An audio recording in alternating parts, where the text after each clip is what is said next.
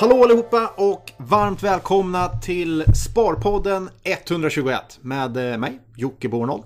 Och med Peter eh, Benson. Men Jocke, eh, vi sitter inte nu och tittar ut över Nordnets ganska spartanska studio. Nej, det gör vi inte. Utan vi har faktiskt eh, båda två tagit oss till eh, Åre. Ja. Det är sportlovsvecka för stockholmarna. Ja. Och även för oss. Även för oss. Ja. Och det slumpade sig så att vi båda hade planerna... Eh, ja, vi, vi och våra familjer eh, är då i eh, Åre. Och spelar in Sparpodden. Ja, och det är faktiskt eh, så att eh, Peter är på besök i mitt hotellrum. Ja, väldigt fint Eh, faktiskt. ja, tack. Eh, på Copperhill heter det. Copperhill. Ja, Ett jättebygge. Ja. Som konkade efter ett år tror jag. Ja, vi, vi tror att... Det här, ni, får, ni lyssnare får rätta oss, men vi tror att det kostar 800 miljoner att bygga det. Och det är ungefär så det ser ut också. Det är väldigt fint. Eh, och sen har det konkat, kon, gått i konkurs några gånger och eh, den här Petter Stordalen köpte det väl för 200 miljoner nu för ett Okej. tag sedan. Eh, Ja. Och nu är det välbeställda småbarnsföräldrar som bor här. ja. ja, typ. Det är sant faktiskt. Ehm, jag bor en bit bort, eller jag bor inne i byn som det heter. Och, eh, men är väldigt imponerad över det här. eh, Det är som ett lyxöst fängelse vad du sa. Ja, det är jättehäftigt. Huset är byggt... Eh, ja, undrar om det inte kallas Philadelphia-metoden. Philadelphia-systemet heter Jaha. det. Eh, det känner man igen från alla så fängelsefilmer. I amerikanska fängelser. Eh, och svenska Långholmen Just det. i Stockholm är byggt på det sättet. Alltså en jättestor eh, eh, atrium i mitten med celler efter väggarna. Om Just du, det. om du förstår. Eller celler. I det här fallet är det rum. Kallar vi dem här. Ja. Om ni kallas för gäster. Exakt. Även fast ni är då... Ja. Så är det här. Och vi tänkte... Eh, men de som vi egentligen är fångar hos, eh, förutom du då är hos Copperhill, så är vi fångar hos Skistar den här veckan. Ja, som så många andra. Ja, lyckliga fångar kanske, eller? Ja. Vad tycker ni? Eh, det funkar väl bra. Ja. Skistar eh, är ju en, eh, en barnfamiljs eh, dröm på något sätt. För allting är liksom fixat och klart. Ja. Och bara Dröm man, eller mardröm? Där går meningarna ja, isär. bara man ställer sig... Ja, det är väldigt enkelt. Bara man ställer sig i kön och betalar. Ja. Så, så blir allting rätt. Ja. Eh, det är ju jobbigt om man vill göra någonting utanför. Just det. Men Skistar, för de som inte vet det då, de äger ju eh, he- he- hela Åres skitsystem, hela Sälens skitsystem och Trysil och massa andra saker. Eh, Ja. Och är helt dominerande i den, på den svenska, den nordiska fjällsemestermarknaden. Eh, Och... Ja men det påminns man om flera gånger om dagen kan man väl säga. Ja.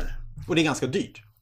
Har det blivit dyrare? Är det Skistars fel att eh, det är så dyrt? Eller är det bara så att det är dyrt att åka skidor? Jag tror att det har blivit dyrare. Ja, det är känslan. Ja, men jag tycker också att det blivit bättre ska man säga till deras försvar. Jag tänkte just säga det också. Eh, Det har blivit väldigt mycket bättre. Det är liksom inte några köer längre och det är bättre backar och, och sådär. Men nu låter vi ännu äldre än vad vi är. Men jag minns när man var yngre och åkte till Alperna. Då hade man någon viss uppfattning om vad det kostade. Och så var svenska fjällen mycket billigare. Nu känns det som att det är ungefär lika. Ja. Eh, Alltså Alperna jämfört med svenska fjällen. Eh, Och det känns ju på sitt sätt lite skevt. Mm. Samtidigt får man väl säga då att Skistar har varit väldigt duktiga på att utveckla konceptet kring skidåkning och hitta på saker att göra och allt vad det är. Och helt enkelt dra ut mer pengar från varje kund. Ja, de är jätteduktiga. De har ju liksom förslavat hela den eh, sportlovsfirande medelklassen egentligen. Som ska norrut i varje fall. Ja, Eh, och är jätteduktiga på att suga ut pengar ur det där och gör det på ett bra sätt. Och, och, ja men de är duktiga. ska man hedga den här sportlovsveckan med eh, Med Skistar i aktier? Ja det ska man nog faktiskt. Eh, De har ju ett sånt här eh, sp- något investerarprogram också. Att om man har en, några aktier så får man lite rabatter och saker. Mhm. Ja. Så är man om så kring sig så ska man köpa lite Skistar-aktier innan man eh, eh, sänker ner sig i eh, och blir en del av deras intäktsmodell. Mhm. Eh, Men de är superduktiga. Men det är ett intressant företag. För att det är ju dels ett tjänsteföretag, alltså det är ett Ja. varumärke och, man har en relation till de här destinationerna och så. Men det är ganska mycket ett fastighetsbolag. Eh, Men där fastigheterna är ju inte kåkar eller hus huvudsakligen utan eh, backar och, och, och liftstolpar och såna här saker. Just det. Eh, Som de ska skriva av på och återinvestera i och, och, Ja. och så får de då hyra i form av liftkort. Så tittar man på den här aktien, den är ganska dyr. Det är det här P20 ungefär.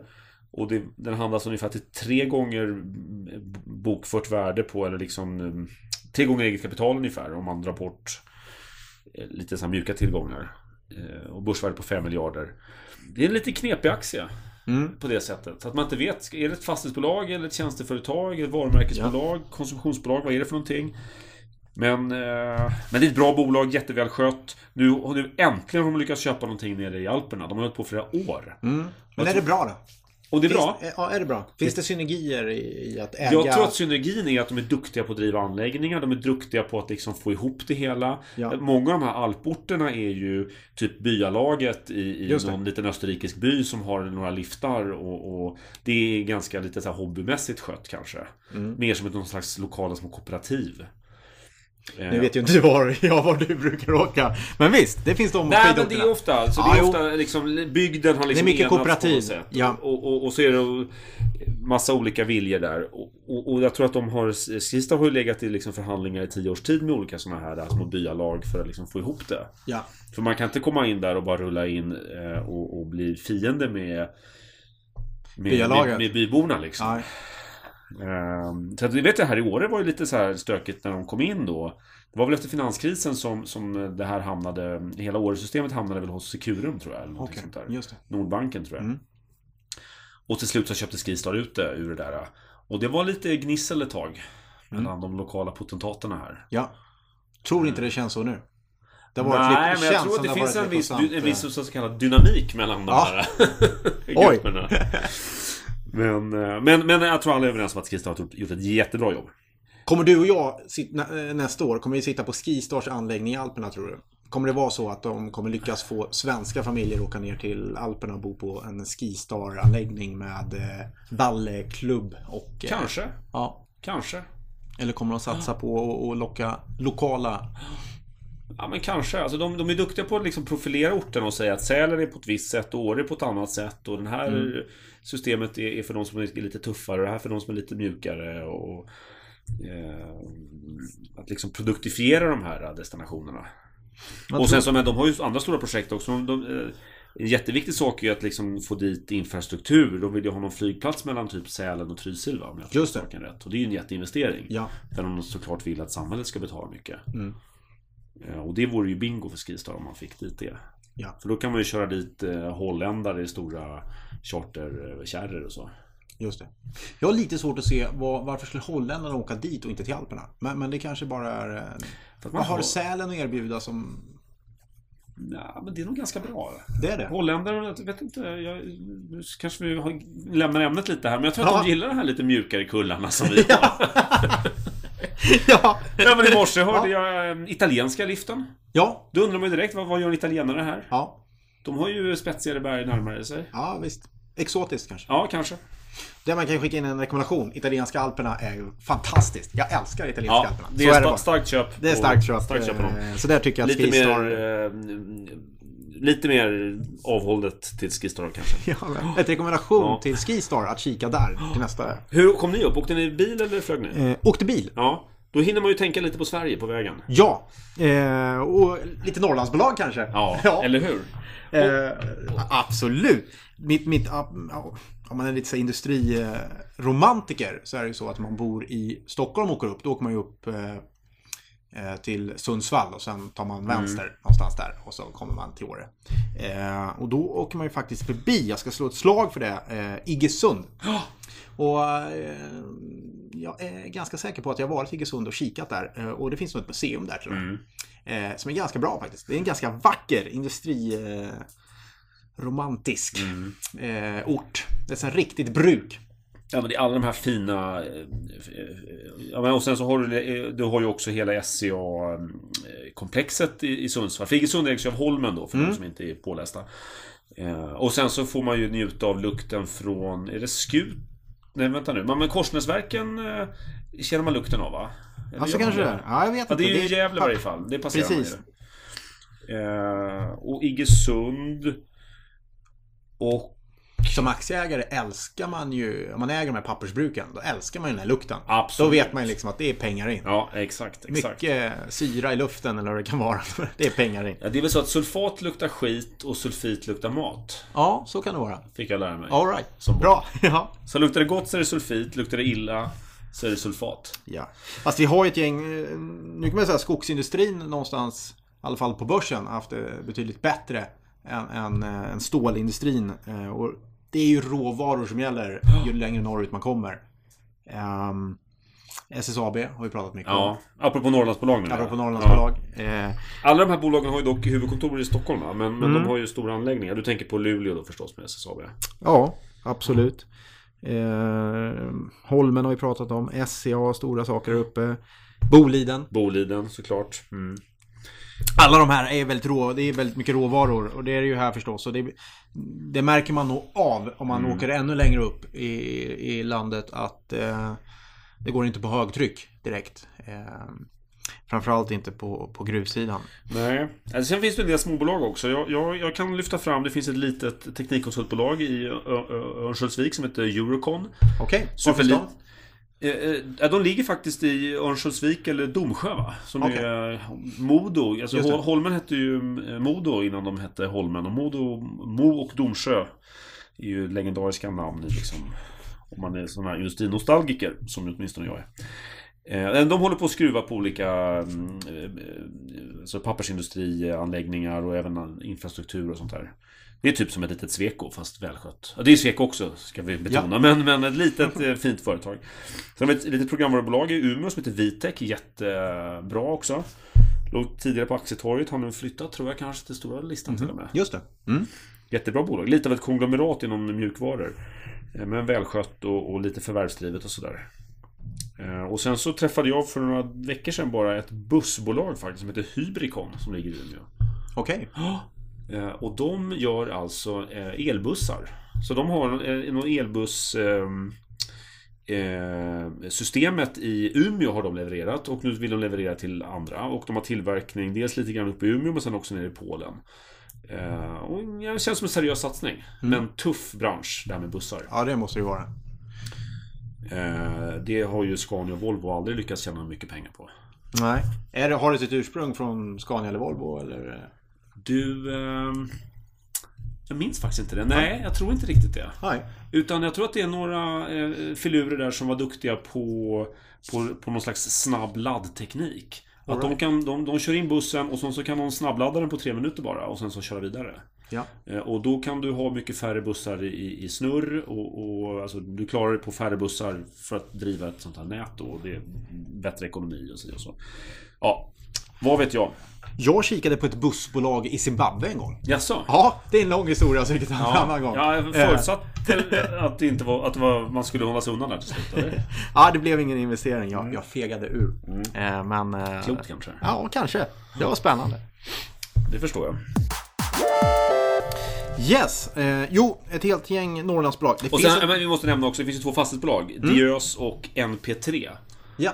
Eh, som är Norrlandsinriktade. Som rätt många gillar. Eh, särskilt det här MP3 har blivit lite av ett poppisbolag bland eh, vissa jag menar, finansmän och Det är lite sådär hett. Norrlandspojkarna står det för. Bara en sån sak. All right, bara Ja. det.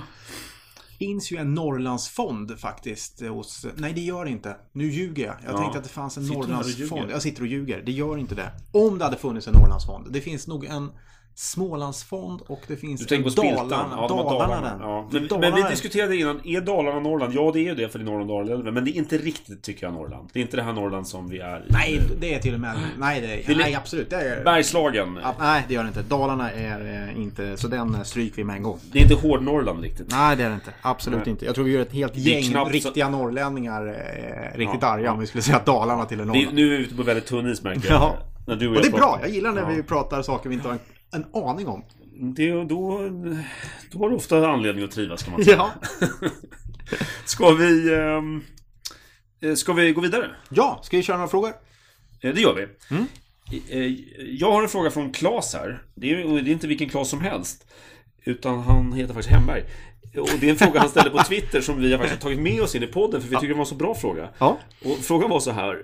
Vad vore viktigast att ändra kring tjänstepension? Är det flytträtt eller förbud mot högre avgifter? Mm. Vad tycker du? Hjälp Claes här nu.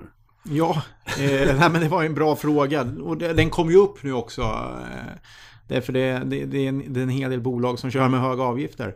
Flytträtten däremot, den kan vi konstatera att den, den funkar ju inget bra som den gör just nu. Eh, dels eh, därför att jag kollade på mina egna. Jag hade nio tjänstepensioner, två gick att flytta, en var alldeles för dyr.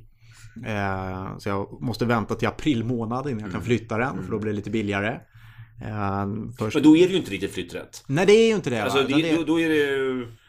Och det är för komplicerat. Ja. Och, det är, och, och, det är någon tjänsteförsäkring, tjänstepensionsförsäkring. Åh, men den är kopplad till ett kollektivavtal som jag hade i... i och, äh, du vet, vissa kunde... Vissa var låsta. Ja. Andra gick inte att- flytta på grund av att Nordnet inte kunde ta emot det med det kollektivavtalet om jag förstod det rätt. Ja, det fanns lite olika grejer så här. Så att det är för komplicerat. Det måste bli mycket lättare. Men- men Eh, vi- Annars blir det ju ingen konkurrens. Annars får vi ju ingen... Det är ju det är det vi vill. Det är det vi sparare vill ha. Ja. Vi vill ha en konkurrensutsatt marknad. Och man är ju inte insatt i... För du är ju inte med och köper produkten. Det gör ju din arbetsgivare åt dig. Eh, Så där får man ju bara hoppas då att arbetsgivaren gör ett bra jobb. Eh, och om man inte ger dig en, en valmöjlighet så i alla fall en, en, en bra förhandling så att du får en bra försäkring. Mm. Eh, Men sen flytträtten, det är ju vårt sätt att konkurrera mellan försäkringsbolagen. Jag tycker det är någon slags... Eh, man ska inte överanvända det här med mänskliga rättigheter Men det är ju någon slags basrättighet att man ändå har rätt att förfoga över sina egna pengar. Att, att Normalfallet ska inte vara att, att de är låsta hos någon annan. Så jag tycker flytträtt är någon slags grundkrav. Ja, Men jag känner mig inte alls säker på att det räcker liksom. För att väldigt många människor är kanske inte som du och jag Utan de kanske väljer saker som inte är så bra för dem. Nej. Eh, Så, att, så att, det har vi sett med PPM lite grann att, att det dök upp massa avarter som, som utnyttjade folks okunskap till att liksom slussa in pengarna i, i väldigt dåliga PPM-fonder. Ja, Superdyra saker.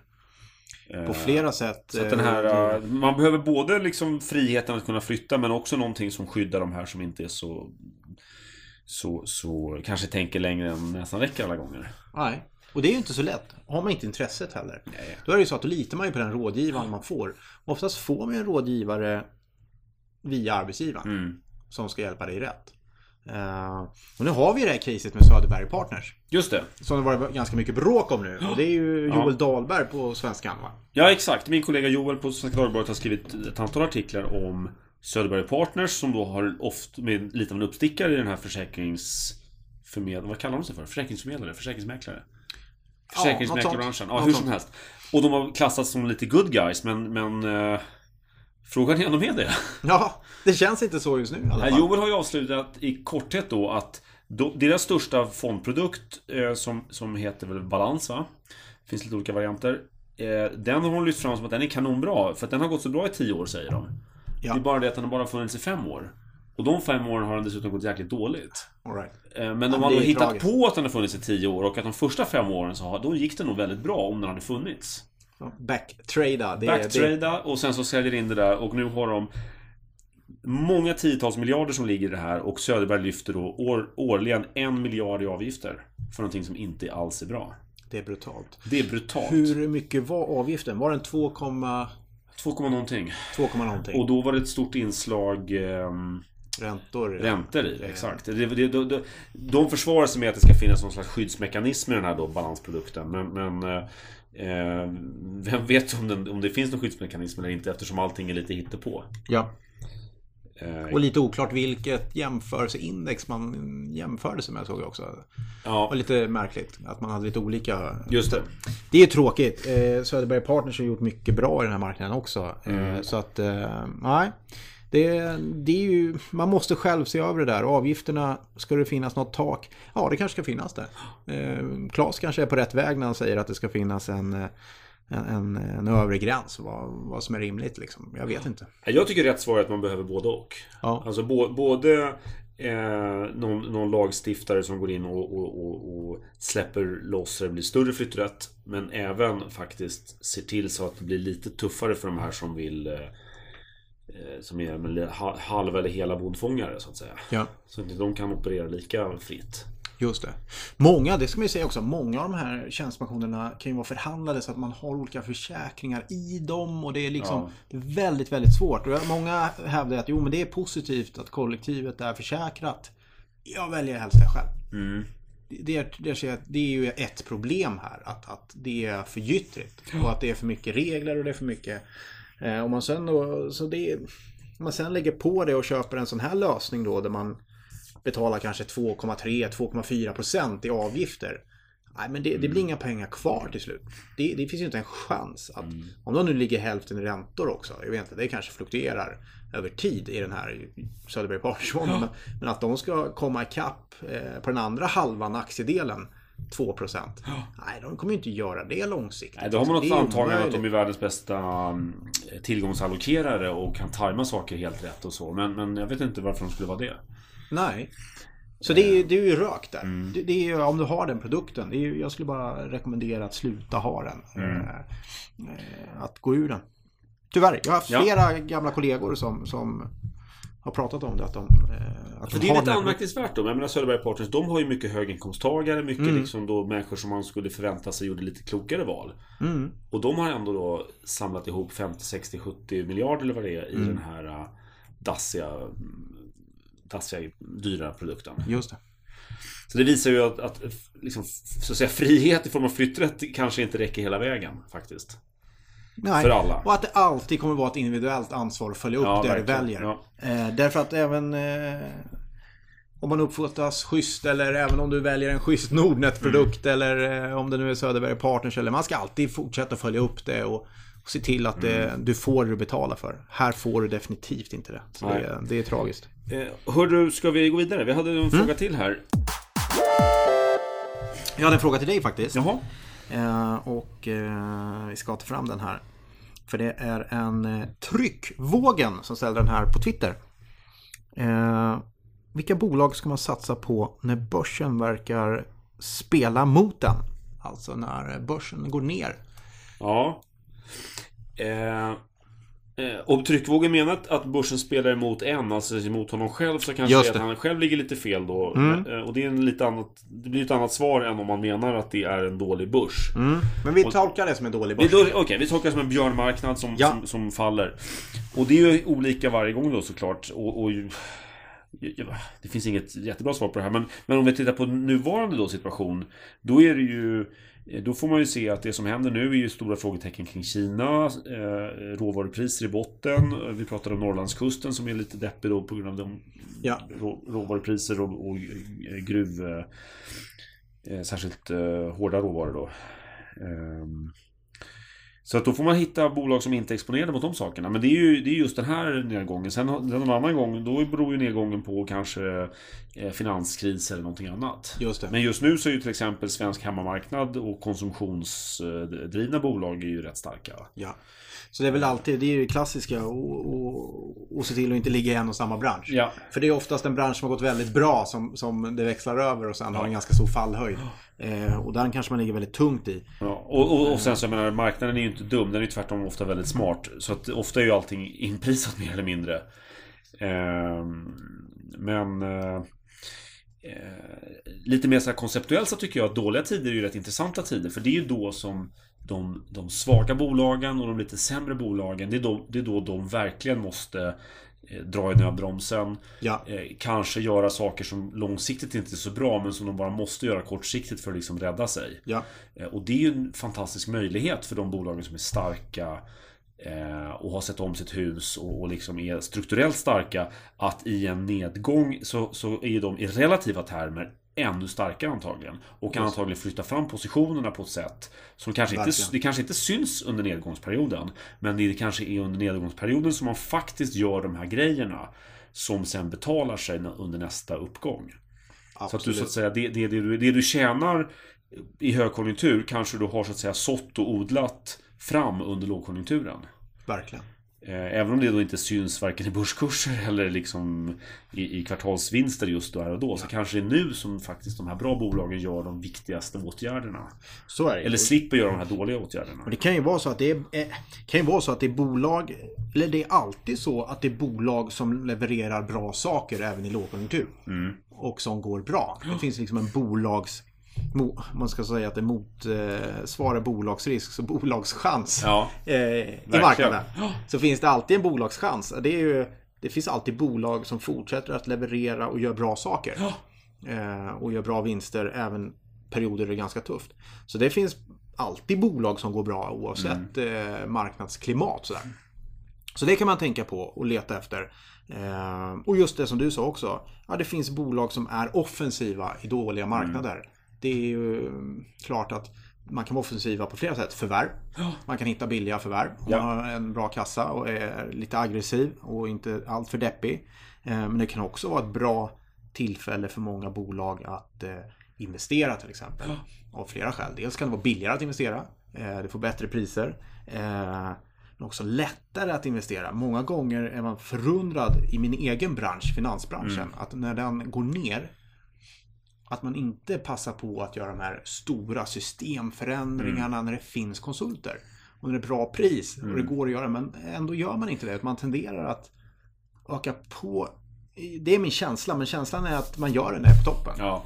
Och då finns det inga konsulter och de som Nej. finns är jättedyra. Och, eh, och det är sådär. Så leta efter bolag som blickar framåt lite mer när det är lågkonjunktur och gör någonting vettigt av det. Eh, och har man riktigt tur så kan man ju hitta något bolag som verkligen krisar. Eh, som man kanske kan gå in i. Men det, det, det kräver sin hemläxa. Men eh, det finns alltid saker att göra i den typen av marknad. Ja. Och jag kan nästan känna att det är mer intressant. Det är nästan lite roligare eh, att göra investeringar i den marknaden. Därför är det lättare att hitta alltså, bolag som är satta under press men som man kanske kan läsa sig till har en bra chans när det väl vänder. Så eh, ja, nej, börsen är inte nattsvart. Nej. Eh, när Nej, nej. lågkonjunktur. Nej, nej, nej utan... utan man, det är det här man ska skilja på pris och värde. Eh, Priset på aktier, det kan gå ner ganska mycket. Men, men det är möjligt att det ofta är så att värdet ökar eh, faktiskt. För bra bolag så kan kanske värdet öka ännu snabbare i dåliga tider. Även om det inte syns i redovisad vinst. Ja. Men det är då de gör de här eh, kloka rekryteringar, bra investeringar. De, de, de kan ta hand om kunderna på ett sätt som, som, som knyter dem ännu närmare och liksom... Eh, och förvärv. Mm. Bra fråga. Yes. Eh, hoppas du gav någonting. Eh, har du någon mer fråga?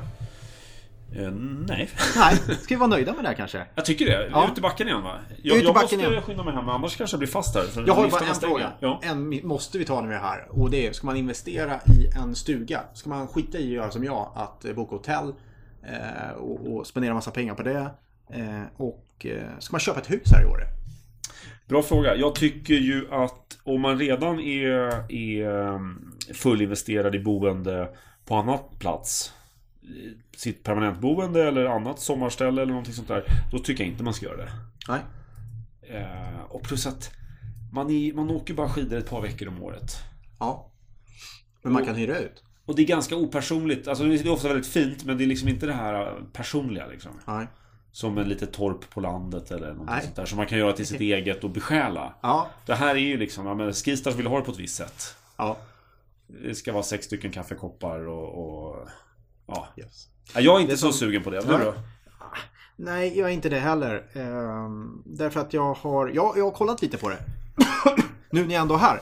Och eh, gått runt lite och kollat eh, nere på byn här också. Eh, Det är ganska höga priser. Man får betala ganska mycket för de objekt som är lätta att hyra ut. Ja. Om man vill göra business på Ja. det.